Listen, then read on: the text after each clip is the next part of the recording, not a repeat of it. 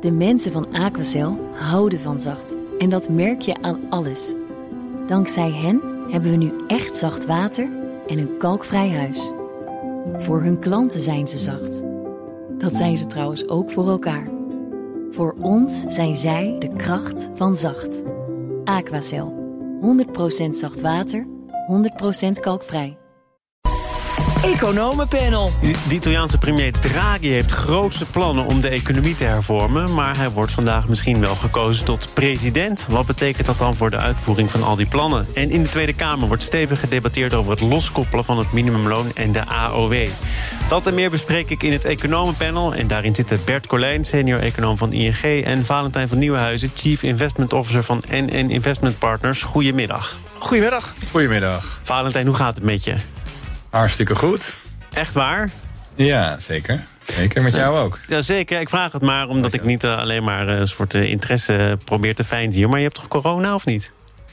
Ja, ik ben uh, positief getest. Ik zit thuis, maar het gaat goed, dankjewel. Uh, dan gaan we het gewoon echt hebben over uh, economenvoer. De loonstijging in de eurozone komt dit jaar waarschijnlijk uit tussen de 3 en de 3,5 procent... als gevolg van de personeelstekorten en de hoge inflatie. En dat maakt de weg vrij voor de Europese Centrale Bank... om de rente te verhogen. Dat voorspellen analisten van ING. En een van die analisten zit ook in het economenpanel, Bert Dus. jij verwacht inderdaad een fikse loonstijging de komende periode? Ja, ik, ik, het, het lijkt er wel op dat we nu het, het, dieptepunt wel een beetje gehad hebben. Want het gekke is, we zitten eigenlijk op een ontzettend laag punt... als we kijken naar Europese loongroei. Uh, 1,3 procent komt erbij momenteel, jaar op jaar. En als je dat vergelijkt met de inflatie van 5... Uh, dan heb je natuurlijk een enorme krimp in je reële loongroei te pakken. En voor volgend jaar, dit jaar, uh, ziet het er wel wat beter uit. Als we kijken naar de, hoe de, de, sterren staan... dan lijkt het wel alsof dat ja, je bijna niet anders kan dan verwachten. En jullie hebben toch wel iets anders dan naar de sterren gekeken... om dat onderzoek te volbrengen, of niet? Wij hebben naar meerdere factoren okay, gekeken. Ook de, sterren. Die, ook, ook de sterren. Ja, altijd een beetje naar de sterren als econoom. Uh, maar uh, uiteindelijk, als je gewoon kijkt naar inflatie... wat veel als input gebruikt wordt door vakbonden natuurlijk. Uh, als je kijkt naar de arbeidsmarkttekorten... die in Nederland heel stevig zijn... maar ook in andere Europese landen echt flink aangetrokken... ten opzichte van voor de crisis ook. en je ziet dat bedrijfswinsten toch best aardig hersteld zijn... in, in de afgelopen kwartalen. dan zou je eigenlijk zeggen... die factoren die lijken er normaal op te wijzen uh, dat loongroei uh, in, de, in de lift gaat. Want die bedrijven kunnen het dus ook leiden. Ik hebben een beetje ruimte om dat te doen, inderdaad. Ja, hè. Kunnen het leiden, zullen ze zelf niet zo zeggen in de onderhandelingen natuurlijk. Maar uh, daar lijkt het wel een beetje op. Dus dat, dat geeft vaak betekent dat, dat er toch wel wat, uh, wat marge in zit. Valentijn, deel jij deze analyse en kijk je ook naar de sterren? Nou, kijk naar de sterren uh, of naar de cijfers of gewoon naar wat uh, de economische geschiedenis on, ons een beetje leert. Ja, misschien dat. Uh, Um, dat het dan voor de hand lijkt te liggen. Maar ik heb er toch nog wel wat vragen bij. Um, ik, ik denk zeker dat het makkelijk is om te zeggen dat we ongeveer op de bodem zitten. Hè, met als je net boven de 1% ziet. Ik denk dat je dat gegeven de onderhandelingen die nu gaande zijn, uh, ook wel kunt, kunt zeggen. De recente uitkomsten voor de komende jaren. Maar um, ja, ik, ik, uh, en ik denk ook dat het best een positieve uitkomst zou zijn als er eindelijk wat stevige loongroei zou komen van een meer macro-economisch uh, perspectief, perspectief. Alleen de relatie met een krappe arbeidsmarkt en de relatie met hoge winstgevendheid in het, in het bedrijfsleven en daarop volgende uh, loongroei die is de laatste twee decennia, zou ik zeggen, een stuk zwakker geworden. Dus dat, is natuurlijk een, dat zijn factoren die misschien traditioneel uh, inderdaad tot sterkere loongroei leiden. Maar het is een stuk onzekerder geworden. Net, zoveel, net zo goed als dat heel veel uh, dynamiek in de economie een stuk onzekerder is geworden. Ja. Om te beginnen het inflatiepad zelf. Maar dus ik ben blij dat uh, Bert en collega's een goede overtuiging hebben dat dit nu tot sterkere loongroei gaat leiden. Maar um, ja, die relaties zijn, uh, zijn gewoon best onzeker. En, en, en, en uh, ja, een deel van de reden dat het, winst, dat het bedrijfsleven zijn winsten zo goed op peil houdt, is dat de loonkosten goed onder controle worden gehouden. Dus ja, hoeveel er echt bij staat, gaat komen, lijkt mij nog wel onzeker.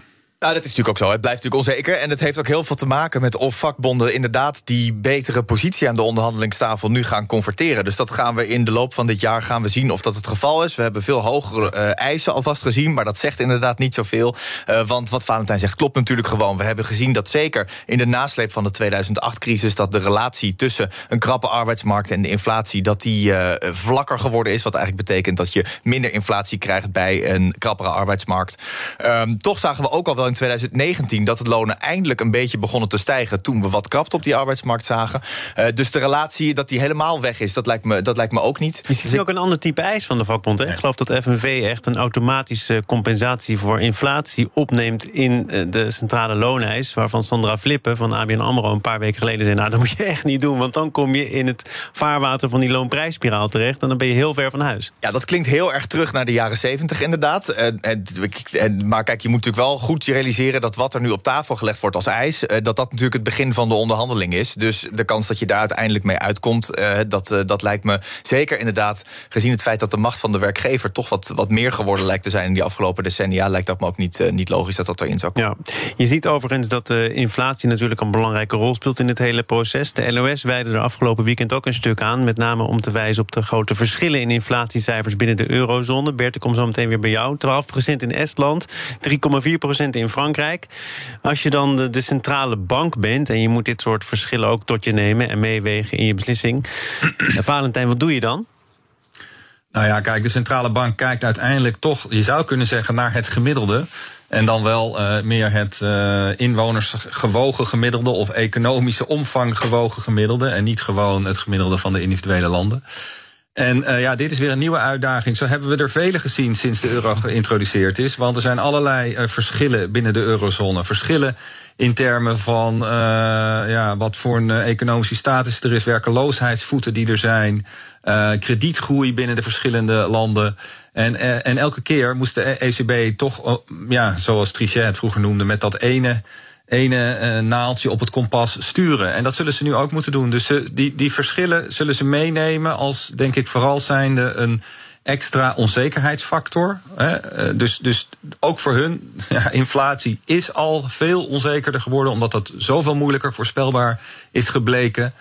Uh, ja, en doordat deze verschillen er nu zijn, ja, is waar de toekomst heen gaat ook weer extra onzeker. Dus het is vooral een indicatie van extra onzekerheid. Uiteindelijk zullen ze hun koers toch zo'n beetje op iets van het gemiddelde gaan zetten. Nou, dat gemiddelde dat is ook uh, 5% geloof ik, iets meer dan 5%. Maar die verschillen zijn aanzienlijk. Hè? Wat ik zei, 12 in Estland, 3,4% in Frankrijk. Bert, wat moet je daarmee als je in Frankfurt zit en het beleid moet vormgeven? Nou, eigenlijk, volgens mij is het zo dat die verschillen die je nu in inflatie ziet, hebben ook heel erg te maken met. Het wordt nog steeds heel erg door energie gedomineerd wat we nu zien. En we kunnen allemaal op onze vingers natellen dat prijzen voor goederen dat dat in de loop van dit jaar een belangrijkere factor gaat worden. Maar het is nog steeds heel erg energiegedreven. En in Estland is het nou eenmaal zo dat daar hebben ze gemiddeld minder te besteden. Dus wordt er meer aan basisbehoeften uitgegeven, zoals energie.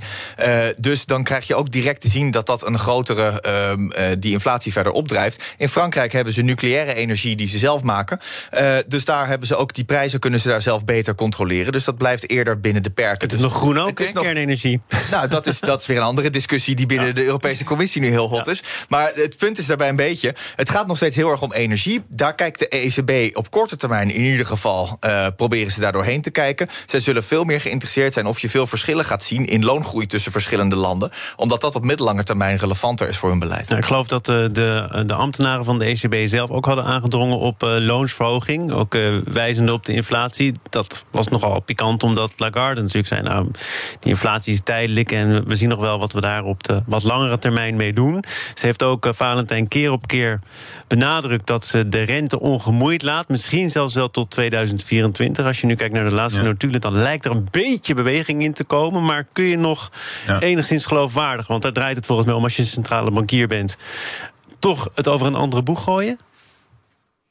Oh, over een andere boeg gooien in de term van eerder de rente gaan verhogen. Ja? Is dat wat je bedoelt? Ja, nou ja, natuurlijk kun je dat. Ik denk de geloofwaardigheid van de centrale bankier uh, wordt niet uh, erdoor bepaald of die af en toe zijn koers wijzigt.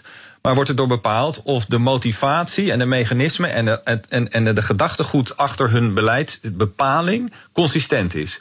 Dus als de ECB geconfronteerd wordt met een andere omgeving, met hogere economische groei dan ze nu voorspellen en meer doorwerkende onderliggende inflatiekracht die langer aanhoudt, hè, binnen de ECB's verwachtingen gaat dat meevallen en gaat inflatiebeeld duidelijk terugzakken in de tweede helft van het jaar en volgend jaar.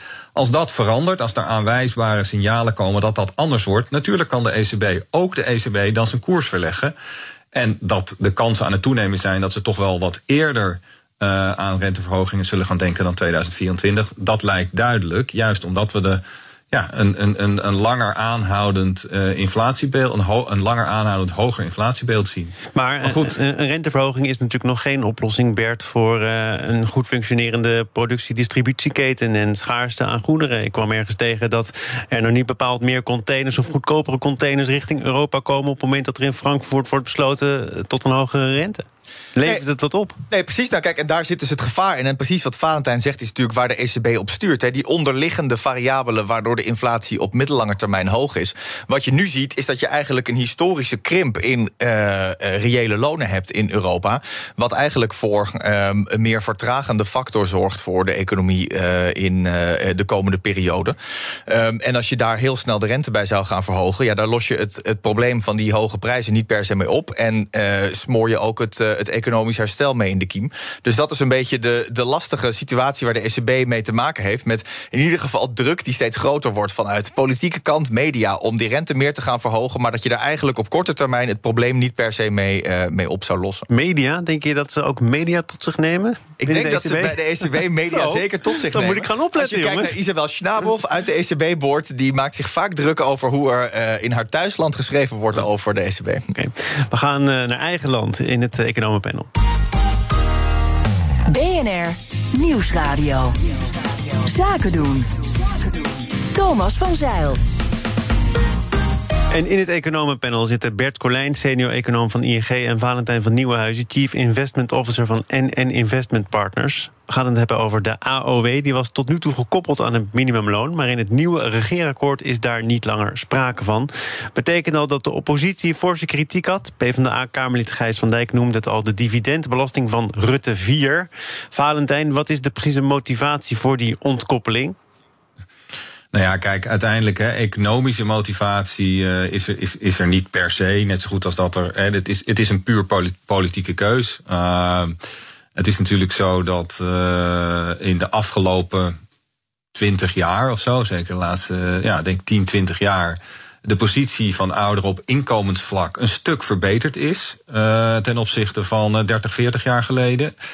Uh, en kennelijk wordt er een, een afweging, een politieke keus gemaakt dat uh, waar het minimumloon en, en jongeren ja, geacht worden verder mee te kunnen stijgen met, met prijsstijgingen. Dat niet noodzakelijk is voor de AOW. Uh, ja, dat is, dat, dat is wat het is. Want door, door de vergrijzing is nu de situatie dat steeds minder werken... uiteindelijk steeds meer moeten gaan betalen voor AOW. En waarschijnlijk wordt nu dan politiek gezien ook al gedacht... dit is op de langere termijn niet houdbaar meer. Ja, dat is ook waar wat je zegt, hè, dat dat door de vergrijzing die dynamiek uh, gaat. Ik weet niet of dat de hoofdmotivatie hiervoor is... en of dat dit de middelen zijn om dat op te lossen. Maar het betekent wel in een vergrijzende... Uh, samenleving worden de, de, de, ja, zijn er steeds minder werkenden uh, om de kosten van uh, vergrijzing, of dat nou via de zorg is of via inkomensuitkeringen, te dragen. Dus dat, dat, dat creëert een uitdaging. Nou, daar kan je allerlei, op allerlei manieren kan je daar oplossingen voor vinden. nogmaals, dat is uiteindelijk een politieke keus. Maar ja, dit is een, wellicht een van die manieren om uh, die kosten iets, iets in te perken. Maar het is een politieke keuze. Dit is het economenpanel. Toch nog eventjes dan het bedrag dat gemoeid is met de besparing. Van het feit dat die uh, koppeling nu van de baan lijkt. Dat levert dan 3 miljard op. Uh, maar dat dan wel voor een kabinet dat overal geld voor lijkt te hebben. Bert, is het dan niet opvallend dat juist hier een, een nummer van gemaakt wordt? Dat dit dan wordt geparkeerd? Ja, kijk, er wordt natuurlijk altijd wordt een beetje gezocht naar wie er nu precies het meest pijn leidt van die nieuwe plannen die er binnen het kabinet komen. En volgens mij is het natuurlijk is het zo dat he, die, die AOW, um, als je die doet meestijgen, dan zijn er een heleboel mensen die daarvan profiteren, die zelf ook daarnaast pensioenen hebben, die het eigenlijk uh, uh, vrij goed lijken te doen ja, op het moment. 1,9 miljoen huishoudens hebben naast dat ze AOW ontvangen ook nog een andere vorm van pensioen. Ja, precies. Nou, kijk, en, en daarmee maakt het deze, deze maatregel maakt het een beetje. Hè, als je die ook mee zou trekken, dan zou dat een beetje een, uh, een schot hagel zijn. Je zou natuurlijk ook kunnen kijken, als je inderdaad wil kijken van, hè, wil je de minima die, zich, die het puur van de AOW moeten hebben, uh, wil je die steunen, dan zou je misschien daar uh, meer iets voor kunnen doen. Want het is verder een hele generieke maatregel, waar je ook een hele hoop mensen mee steunt die het eigenlijk al best redelijk dus hebben met hun pensioen. Achteraf repareren, wat je natuurlijk vaker ziet gebeuren nu het over koopkrachtplaatjes gaat en mensen die er wel of niet op achteruit gaan. Maar dan zeg je dus, we gaan achteraf de groep die hier echt onder lijdt nog tegemoet komen? nou, kijk, dat zou, een, dat zou een andere oplossing kunnen zijn. Het gaat, hè, als het puur gaat om deze maatregel van waarom zou je het niet doen, dan is dit is een reden waarom, waarbij je zegt van nou, in plaats, waar je bij het minimumloonstijging, daar help je echt de mensen met minima mee. Hier help je een hele hoop mensen mee die ook niet per se uh, er echt op achteruit gaan. En juist uh, de groep uh, kwetsbaren zou je dan ook iets anders voor, voor kunnen doen, bijvoorbeeld. Valentijn, zie jij dat ook zo? Want het gaat om een kleine 200.000 mensen die hier echt, echt onder lijden, omdat ze hoofdzakelijk afhankelijk zijn van die AOW. Hè. Dus er zijn zoals gezegd wel meer mensen die pensioen hebben, maar dan ook nog kunnen rekenen op andere stromen, andere pijlers. Wat moet je doen voor die 200.000 mensen die echt in de problemen komen? Nou ja, kijk, dus dat, dat is, uh, natuurlijk is dat uh, veel logischer om daarop te focussen. Uh, ja, het is bijna een fundamentele vraag ook bij de hele AOW natuurlijk, hè, omdat dat eigenlijk een generieke uitkering is, inkomensonafhankelijk. Dus of je nou geen aanvullend pensioen hebt of zelfs nog een heleboel vermogen. Uh, dat speelt eigenlijk weinig rol. Dus uh, ja, daar hadden ze wellicht ook meer fundamenteel naar kunnen kijken. Hebben ze besloten om dat verder niet te doen en de AOW verder ongemoeid te laten. Uh, en dan kan ik me wel goed voorstellen dat inderdaad op die plekken waar er echt weinig extra is dat je daar dan toch uh, aandacht voor moet hebben. Ja, overigens, oh, ja, Bert? Het is volgens mij toch ook niet helemaal zo dat, die, dat de koppeling echt weg is. Het nee, gaat toch om dat nu alleen deze sprong die ja. nu gemaakt wordt, dat die niet ook gemaakt wordt. Uh, die sprong in minimumloon wordt niet ook uh, ja, in. Die 7,5 procent die overigens stapsgewijs wordt bereikt, dat is inderdaad het moment dat die koppeling voorlopig wordt losgelaten. En daar heeft Carolo Schouten, die dit in haar portefeuille heeft al over gezegd, dat wil niet zeggen dat we in de toekomst het ook zonder koppeling gaan stellen. Precies. Maar goed, als je eenmaal ook een president hebt om het los te koppelen, dan is maar de vraag of je dat in de toekomst weer gaat herstellen. Uh, nou ja, dat, uh, dat is natuurlijk altijd de vraag bij een. Toch, Bert? Ja, ja weet ik niet. Ja. Laten we het hebben over, over Italië. Want daar wordt vandaag een nieuwe president gekozen. En de grootste kanshebber is ook nog oud-voorzitter van de ECB. En zit een premier Mario Draghi. Hij hoeft niet meer af te rekenen met Silvio Berlusconi. 85 jaar inmiddels. Trok zijn kandidatuur op het laatste moment in. Je begint helemaal te grijnzen, Bert. Ja, het is altijd, altijd leuk als het over Berlusconi gaat. Nou, daar hoeven we het dus niet uitgebreid over te hebben. Want helaas, of in ieder geval voor de mensen die van uh, schandalen en affaires houden... hij doet niet meer mee. Wat wel overeind staat, Valentijn, is dat Italië zo'n kleine 200 miljard euro uit het Europese herstelfonds heeft gekregen. En de vraag is nu: doet het ertoe of Draghi daar nog um, over gaat als eh, premier? Of dat hij dat uh, een beetje aan zijn opvolger laat, nu die dan eventueel president wordt? Heeft ja. dat uh, veel gevolgen voor de uitvoering van al die grote hervormingsplannen? Ja, nou, ik denk dat het er wel toe doet. Ik denk dat het allerbelangrijkste uh, overigens is dat uh, Mario Draghi uh, in één van de twee rollen betrokken blijft bij de toekomst van Italië. want ik denk dat er gewoon niemand is, geen enkele kandidaat denkbaar die ook maar in de buurt komt bij Mario Draghi qua uh, impact die kan hebben uh, in zowel de Italiaanse politiek als wel de internationale politiek, als wel geloofwaardigheid naar financiële markten uh, vertegenwoordigen. Nou, al die zaken heeft Italië hard nodig om zijn economie te moderniseren en op een meer structureel en hoger groeipad te komen, wat uiteindelijk fundamenteel is om ook de schuldproblematiek van Italië te kunnen aanpakken. Dus het allerbelangrijkste is dat Draghi blijft in welke vorm dan ook. Uh, dan denk ik wel dat wat eigenlijk ook in de toon van jouw vraag zat, waar van die twee rollen, premier of president, waar is hij nou effectiever? Waar kan hij krachtiger uh, of ja, krachtiger sturen op de hervormingen?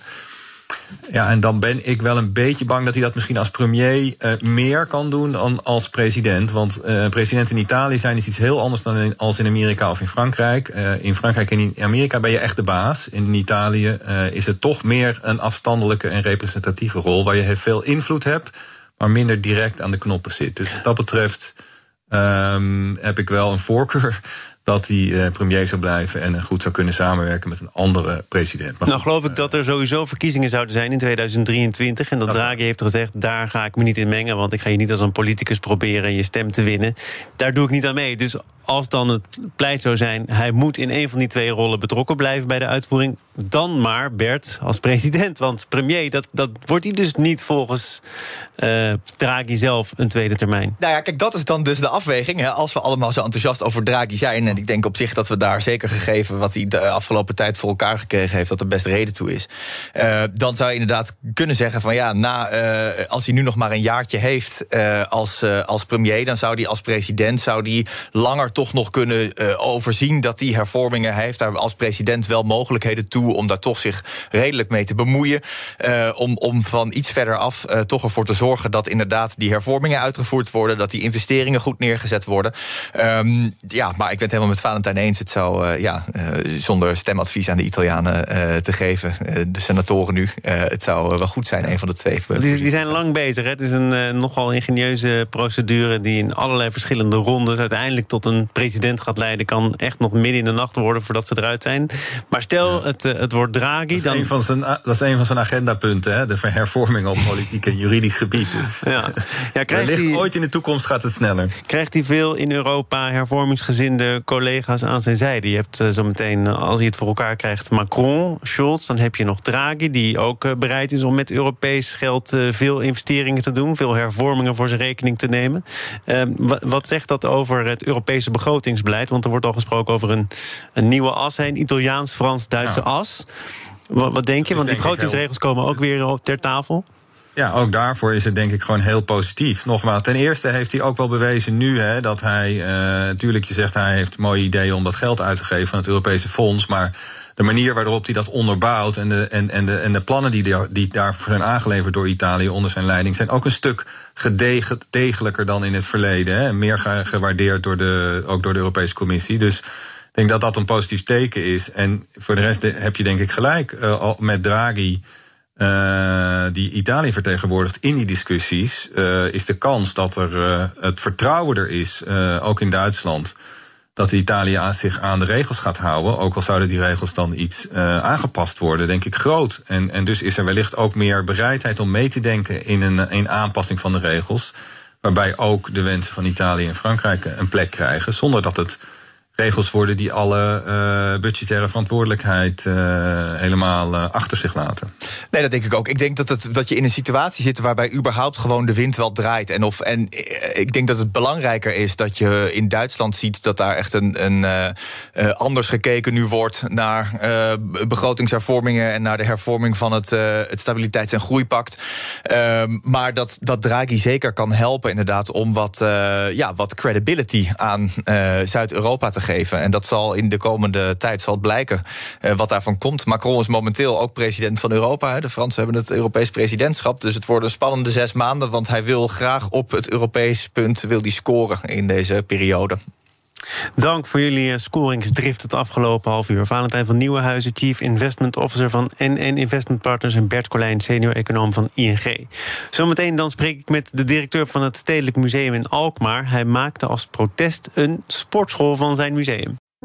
De mensen van Aquacel houden van zacht. En dat merk je aan alles. Dankzij hen hebben we nu echt zacht water en een kalkvrij huis. Voor hun klanten zijn ze zacht. Dat zijn ze trouwens ook voor elkaar. Voor ons zijn zij de kracht van zacht. Aquacel. 100% zacht water, 100% kalkvrij.